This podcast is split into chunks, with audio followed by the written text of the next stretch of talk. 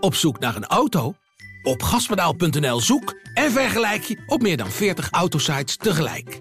Je zoekt op de grote autoportalen en bij de autodealer om de hoek. Je hebt het grootste aanbod en maakt daarom de beste vergelijking. En zo mis je nooit meer een auto. Zoek en vergelijk op gaspedaal.nl. Dit is een podcast van De Ondernemer. Kan Pathé straks de deuren sluiten en kopen we nooit meer voor 10 euro een popcorntje? In deze aflevering gaan we het hebben over herd mentality en waarom consumenten achter de veilige massa aanlopen en wat dat voor effect heeft op trends en hoe wij als bedrijven en marketeers daarop kunnen inspelen. Dus waarom lachten we vorig jaar iedereen uit die een bitcoin kocht, want het zou toch niet meer gebeuren en staan we nu allemaal in de rij terwijl die boven de 60.000 euro staat? Waarom zijn we nou zo slecht in deze trendspotten en hoe kunnen we hier beter op inspelen? Dat en nog veel meer bespreken we in deze aflevering van Aandachtstrekkers. Dit is Aandachtstrekkers. Presentatie Michel Ariens en Patrick Wessels. Hey uh, Michel, ik hoor steeds uh, reclames op de radio. Daar luister ik namelijk naar. Uh, voor Bitcoin. Ik hoor over Bitcoin Meester, over Bitcoin, weet ik niet, Crypto.com zie ik in de Formule 1 wat ik graag kijk. Oh ja. Waarom, waarom word ik daarmee doodgegooid? Meestal betekent dat als ik ergens heel veel van hoor, dat ze heel moeilijk aan klanten kunnen komen. Of dat er heel veel mensen mee bezig zijn. Wat, wat is hier aan de hand? Nou ja, ik denk als je kijkt naar hoe het, hoe het gaat in de Bitcoin-markt, dat, uh, dat het met name het laatste is. Dus okay. heel veel mensen zijn ermee bezig. Ja. En er zal wel een kleine concurrentieoorlog plaatsvinden hier in Nederland over wie, uh, wie de meeste Nederlandse gebruikers gaat onboorden in natuurlijk een soort van de hele crypto-wereld. Mm. Het is wel grappig dat je over begint, want uh, ik denk een jaar geleden dat er volgens mij geen één radiocommercial was uh, over allerlei het voelt een beetje van deze tijd is ineens inderdaad. Dat, Precies, dat dus ja. Nee, dat, dat zie ik zelf dus ook heel erg. Er was laatst een uh, post van een gozer die ik volg op, uh, op Twitter die een fotootje liet zien van bitcoin op 60.000 dollar en bitcoin op 30.000 dollar. Als het ware dat het een soort van marktkraampjes waren. Hmm. En bij 60.000 stond, er, stond iedereen in de rij en bij Ja. 30.000 wilde niemand het kopen. Bloed door de straat, alleen Warren Buffett die nog vooraan staat om ergens in te investeren. Dat, exact, ja, exact. En, en dat vind ik zo uh, interessant. Hè? Dat we eigenlijk, we kopen als alles omhoog gaat. Mhm. En we verkopen als alles naar beneden gaat. Ja. Um, terwijl je zou het, als je slimme investeerder bent, moet je het andersom doen. Ja, je En kunt in ieder geval deze- stellen dat ze niet zo'n goede analyse hebben gemaakt op dat moment. toch? Exact. En deze soort van herd mentality vind ik super interessant. Mhm. Uh, je ziet het heel erg bij Bitcoin. In ieder geval, hè, dat is natuurlijk een markt waar ik heel erg op focus. Maar enorm. Dus Ja. zodra iets 3% omhoog gaat, gaat het 10% omhoog. Ja, omdat de rest Eh, erachteraan loopt ineens. Exact, exact. ja, ja. En, en, en dus het feit dat nu iedereen, ook bij mij op kantoor, mijn personeel vraagt mij: joh, kan je ons wat leren over hoe we moeten investeren in crypto? Eh, kan je me er iets, eh, welke apps moet ik gebruiken? Wel, Moet ik Hmm. met al mijn geld erin gaan stappen? Ja. Terwijl dus als de boel, eh, als Bitcoin op 5000 euro staat, vraagt niemand mij die vraag. Nee. Niemand. Terwijl dat eigenlijk een veel beter moment is. Veel beter moment. natuurlijk de koers weer gaat stijgen. Dat, dat is lastig voorspellen, maar dat True. verwachten we dan. Precies. Ja. Dit is geen eh, financieel advies. Nee, maar, precies. Dit is puur voor entertainment. Exact. maar dat, dat, dat, dat doen ze bij de Jong Beleggen podcast, dus die moeten we wel even credits geven daarvoor. Die Ja, zeggen precies. dit namelijk letterlijk. Ja, precies. Nee, dus ik denk dus daar zit, daar zit iets geks. Dat wij dus als mensen ehm, op het moment dat die omhoog gaat denken... Mhm. oh shit, had ik toch maar gekocht toen die 5000 Ja, was. ja. Terwijl als je op 5000 staat, dat je dan denkt...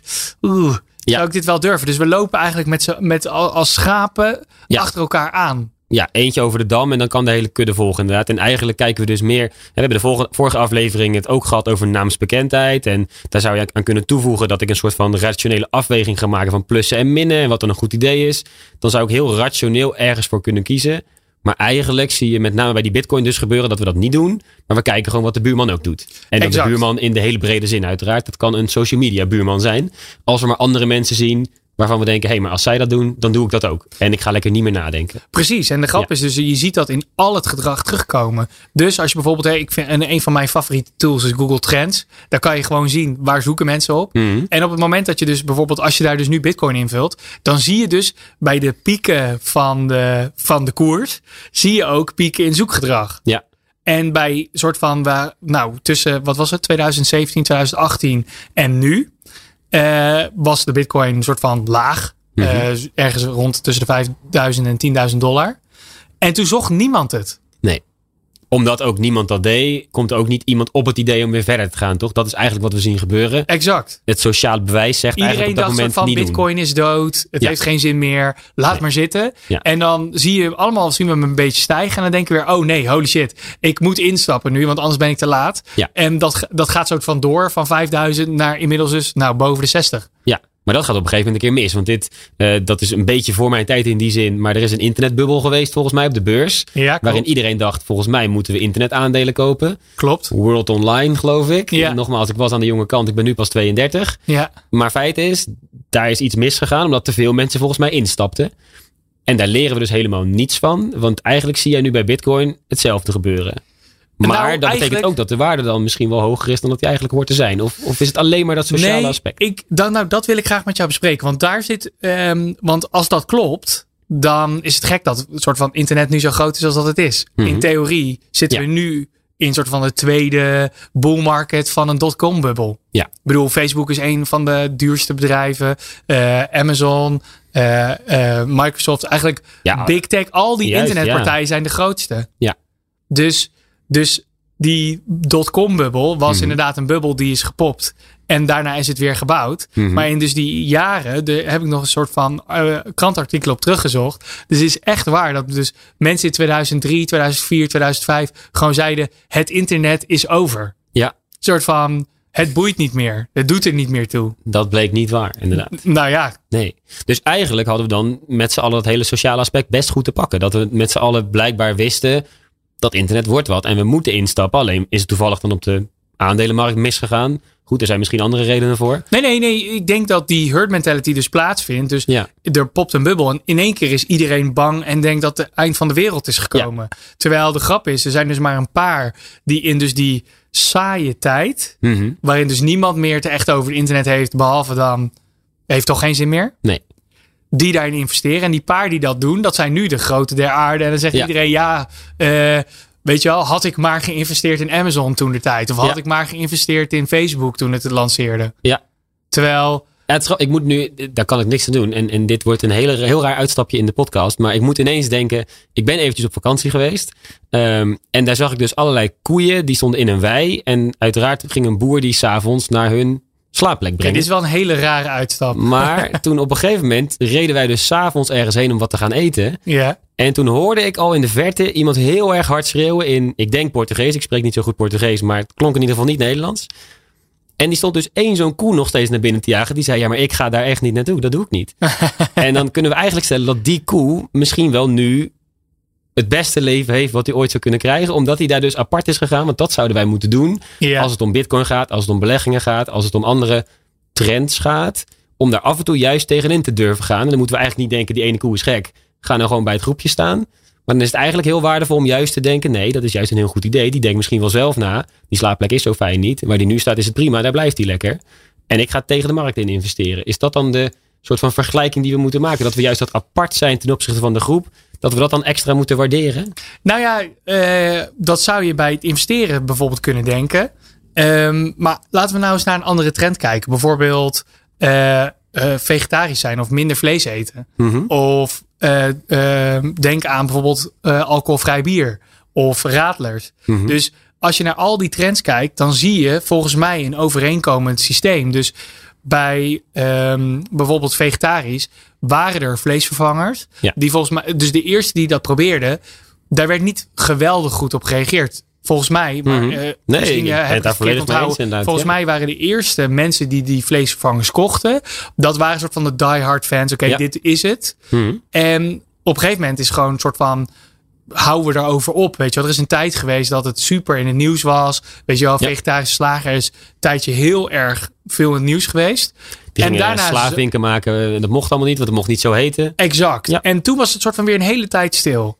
En nu hebben we het in één keer met elkaar erover van holy shit, eh, de Albert Heijn en de Jumbo die hebben 500, eh, 500 meter aan eh, vleesvervangers in de schappen liggen. En nu is het in één keer een soort van de doodnormaalste zaak van de wereld. Sterker nog, volgens mij als je vroeger zei, doe mij een vegetarisch sausijzenbroodje, werd je uitgelachen. Dachten mensen, wat, waar, de, waar heb jij het over, vriend? Terwijl je nu bijna moet verantwoorden als je gewoon s'avonds uit eten gaat en een goed stuk vlees bestelt. Dat je zegt, maar door de week eet ik vegetarisch, dus het mag nu wel een keertje. Exact, exact. Sterker nog, bij mij op kantoor word ik echt de hele tijd kapot gemaakt als ik soort van een tosti eet, wat soort van twee plakjes kipfilet heeft. Dan denk ik, ja, soort van dat is dus het enige beetje vlees wat ik eet. Ja. Daar kunnen we van alles van vinden. Maar dus daar, het is zo normaal geworden om dus geen vlees meer te eten. Of in ieder geval Nee, bij bepaalde groepen. Ja. Ehm, en ook daar zie je dus weer soort van eerst een enorme piek. Mhm. Dat we eigenlijk soort van allemaal het er even over hebben. Daar allemaal een mening over hebben.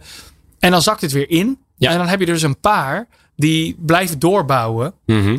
En dan nu in één keer zeggen we, oh ja, iedereen doet dat toch? Dat is toch hartstikke normaal? Ja, en, en daar gebeurt dus eigenlijk iets geks. Hè? Want als je, hè, psychologisch heb ik daar natuurlijk wel ideeën over, over hoe dat dan werkt en waarom dat dan op een gegeven moment wel kan. Ehm, en in het begin, ik denk dat dat het goed is wat je zegt, dat er een groep is die daar heel fanatiek in is. Ehm, en als je er nog een extra voorbeeld bij zet, dan is dat duurzame kleding bijvoorbeeld. Eh, en dan kun je heel mooi een bruggetje maken naar geitenwolle sokkentypes. Die kennen we die zin allemaal. Ehm, en dat betekent dat die geitenwolle sokkentypes, of dat nou om vlees eten gaat, om bier, om bitcoin, maakt niet zoveel uit. Ja, daar associeer ik me totaal niet mee. Daar wil ik absoluut niet bij horen. En, en je moet je eigenlijk voorstellen dat ik als consument erover nadenk. Wil ik naast diegene op straat staan waar iedereen mij kan bekijken. Dat ik zeg, ik lijk op hem of haar. Of denk ik van, nou, laat diegene daar maar lekker voor gek staan. Met zijn geitenwolle sokken aan. Met zijn eh, vegetarische oplossingen in plaats van vlees enzovoort. Eh, en langzaamaan komt er een moment dat er meer mensen zijn, net als jij, die als het ware dat ook gebruiken, waardoor die groep op straat daar wat groter wordt. En langzaamaan zijn dat mensen waarvan ik denk, ja, op zich ben ik ook wel een beetje zoals zij. Sterker nog, ik wil eigenlijk zijn zoals zij. En dan ga ik me daar pas bij aansluiten. En, en dat is wat met, met name zo'n, eh, met name met vlees eigenlijk en met dat vegetarische, dat is daarmee al goed gelukt. Met alcoholvrij bier ook wel voor een groot deel, denk ik. Duurzame kleding is daar ook mee bezig, maar heeft nog iets wat moeite, heb ik het gevoel. Dat is wat daar gebeurt. Dat de groep die dan zeg maar zegt, ik omarm dit, die wordt steeds een beetje normaler tussen aanhalingstekens. Eh, en dan niet normaal als in dat je anders bent dat het niet goed is, maar normaal als in gemiddeld zijn. En met gemiddeld zijn we gewoon met heel veel. Ja, geaccepteerd. Precies, inderdaad. Eh, Als je een normaalverdeling tekent, in het midden zitten gewoon de meeste mensen. Ja, En die meeste mensen, als we, als we daar maar een beetje op gaan lijken, die eerste groep die daarmee bezig is, dan gaat ook die grotere groep zich vanzelf aansluiten. Omdat je als het ware die stap durft te zetten. Ik denk dat dat een belangrijk, belangrijke voorwaarde is om dat voor elkaar te krijgen. En zolang die soort van kleine massa er niet is, dan gaat die grote massa never nooit meedoen. En dan blijft het een beetje een raar typetje. Ja, en de grap is dus, dat vind ik dus het meest interessante, is dat we dus het eigenlijk altijd fout hebben. Of in ieder geval, de grote groep heeft het altijd fout. Dus mensen die in 2003 dachten, internet bestaat niet meer of is over, hoeven we geen aandacht meer aan te besteden. De mensen die dus de eerste eh, vleesvervangers aten en dachten, nou, eh, Mhm. blij dat, eh, weet je, ik ben vegetarisch voor de dieren en daarmee is het gezegd. Nee, we zien nu hele milieu Ja. eh, trends ontstaan van mensen Ja. die daar actief vanwege het milieu hun slaving laten staan. Ehm, eh, en hetzelfde met bier. Ik bedoel, in mijn studententijd, eh, tien jaar geleden, als ik zei, doe maar een colaatje, dan ging er op zijn minst sterk in. Weet je wel, was het niet van, Ja. eh, hier heb je een colaatje. Ja, dat is nu nog steeds in sommige plekken hoor. Waar ik kom, eh, ik woon in een dorp, daar is dat nog niet veranderd. Oké, maar ik, als ik met mijn vrienden afspreek nu, dan, is het, dan moet ik meer sixpackjes alcoholvrij bier in de koelkast hebben dan met alcohol. En dat, eh, dat kan ook iets over de leeftijd zijn. En weet je, we doen het allemaal voor de carrière. En nee, ja, maar goed, er zitten allerlei redenen Nee, maar goed, achter. het, maar ik beeld vind is dus wel veranderd, toch? Ja, dat Precies. zeker, ja. Dus ik vind het grappig dat eh, het wordt normaal door die paar die het ook soort van volhouden. Mhm. En die paar kunnen bedrijven zijn. Dus in, ik denk dat in het geval van bijvoorbeeld alcoholvrij bier, de bierpartijen zelf daar ook heel veel tijd en moeite aan hebben besteed.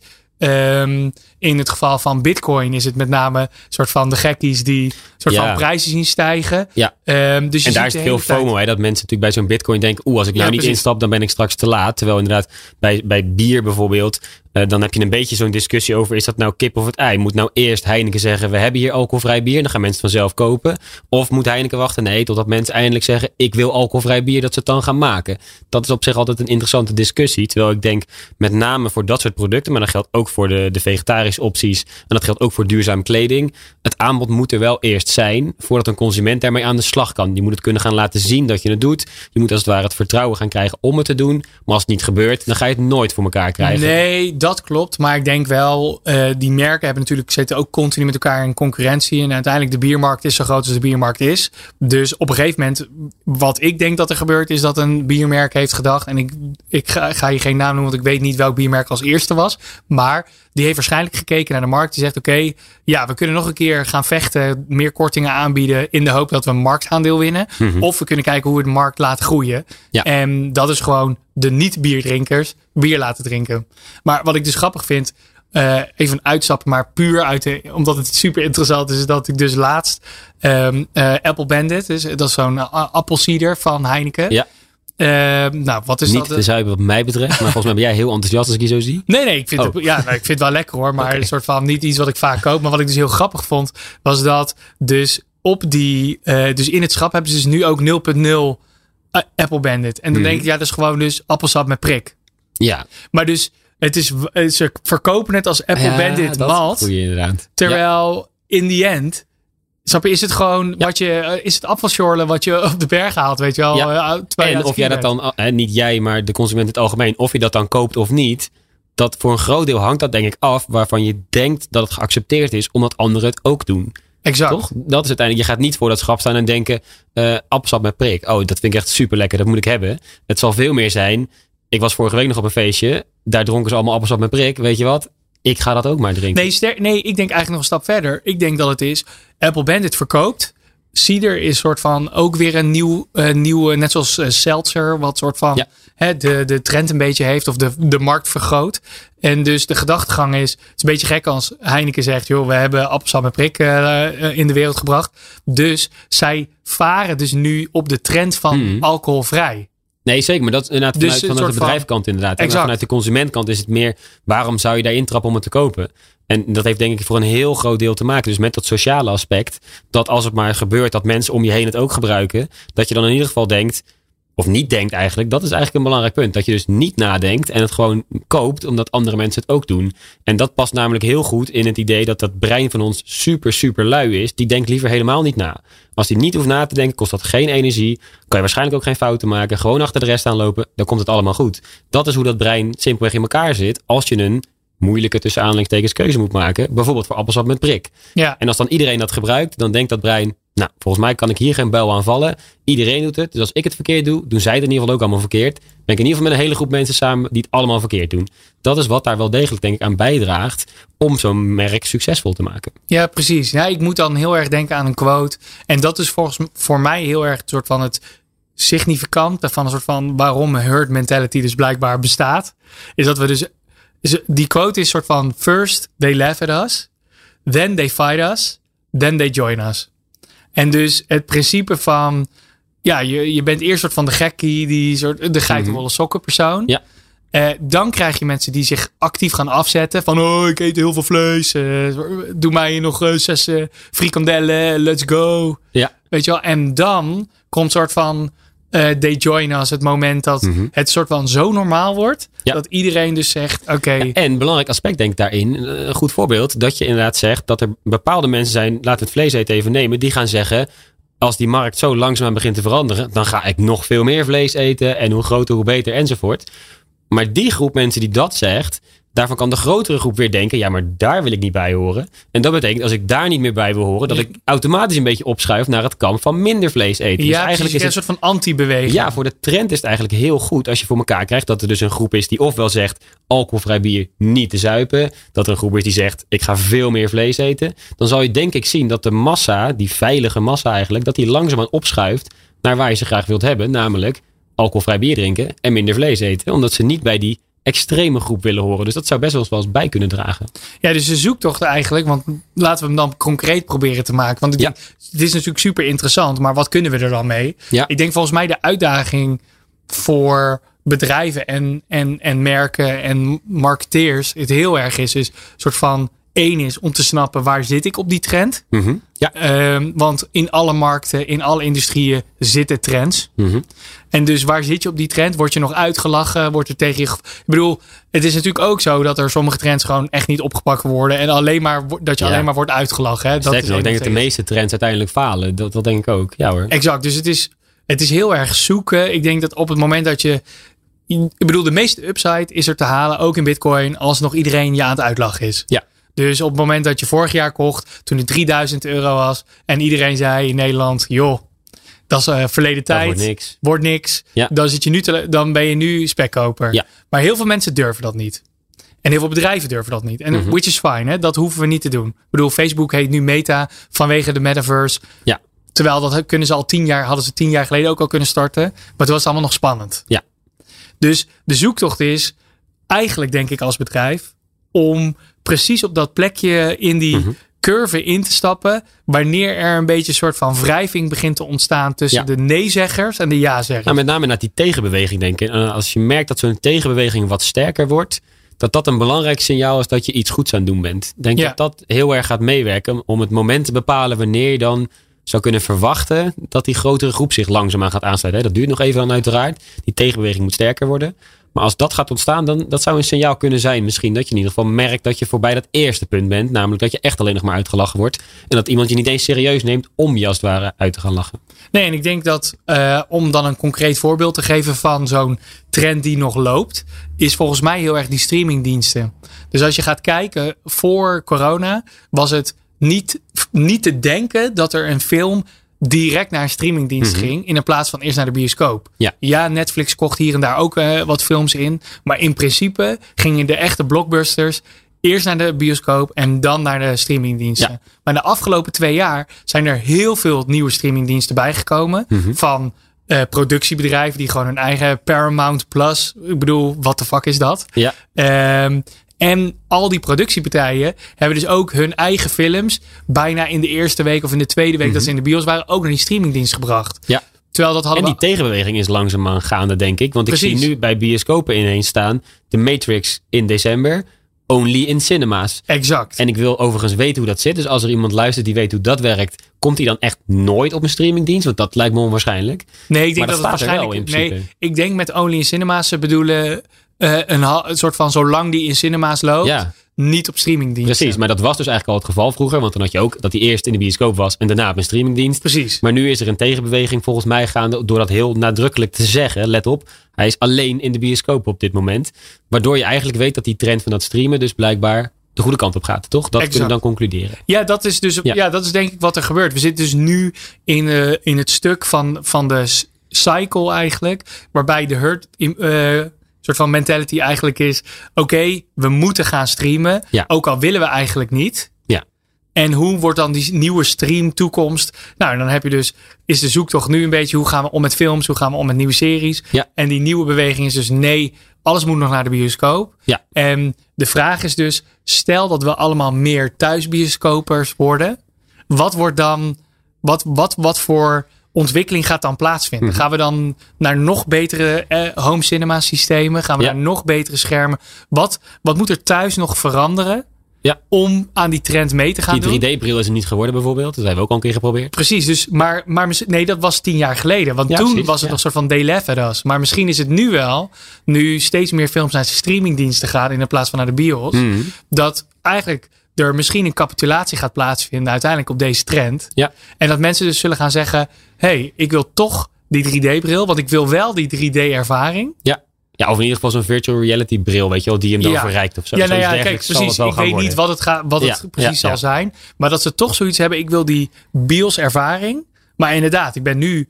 Ik, ik lach niet meer om soort van Nee, mensen die dat thuis doen. Ja. Ik wil het gewoon direct thuis. Ja. Er wordt niet meer gepirate bait. Want iedereen is gewoon zijn film is direct op Netflix of, of Ja. Disney Plus of weet ik veel welke streamingdienst. Ik hoop overigens niet dat dit het wordt hoor. Want ik vind toch, ik ben toevallig gisteren even naar de bioscoop geweest. Ik vind dat toch wel lekker dat je dan naar een bioscoop gaat, veel te dure popcorn haalt. Zo'n grote Nou, fles met bier haalt waar je eigenlijk eh, helemaal geen zin in had op dinsdagavond. Maar goed. Precies. 8 euro voor een popcorn is 8 mij dan euro een beetje. popcorn. eh, Ja, dat moet dan maar. Weet je. Uiteindelijk waren geloof ik 50 euro kwijt inderdaad met kaartje met popcorn en chips en weet ik niet. Ja, precies. Los van reiskosten overigens. Dus het is gewoon eh, best wel een dure avond uit eigenlijk. Ja. Maar het, het gevoel vind ik dan persoonlijk wel heel lekker. Dus ik ga die tegenbeweging wel een beetje steunen de komende tijd. Om te kijken of die misschien iets groter kan worden. Ja, maar ik denk dat je gaat verliezen. wat, ook uite- bang voor. wat uiteindelijk heel eerlijk, wat je betaalt inderdaad voor de film. Ik bedoel, Ja, dat is ook 16. geld. En ik ben ook van de week naar de film geweest. Maar die film vond ik dan niet goed genoeg. Dat ik denk, Oh. ik ben blij dat ik hier 17 piek voor betaald heb. Weet je wel? En dan, dan draait hij alleen maar in een soort van laser, ultra, mega-achtige. En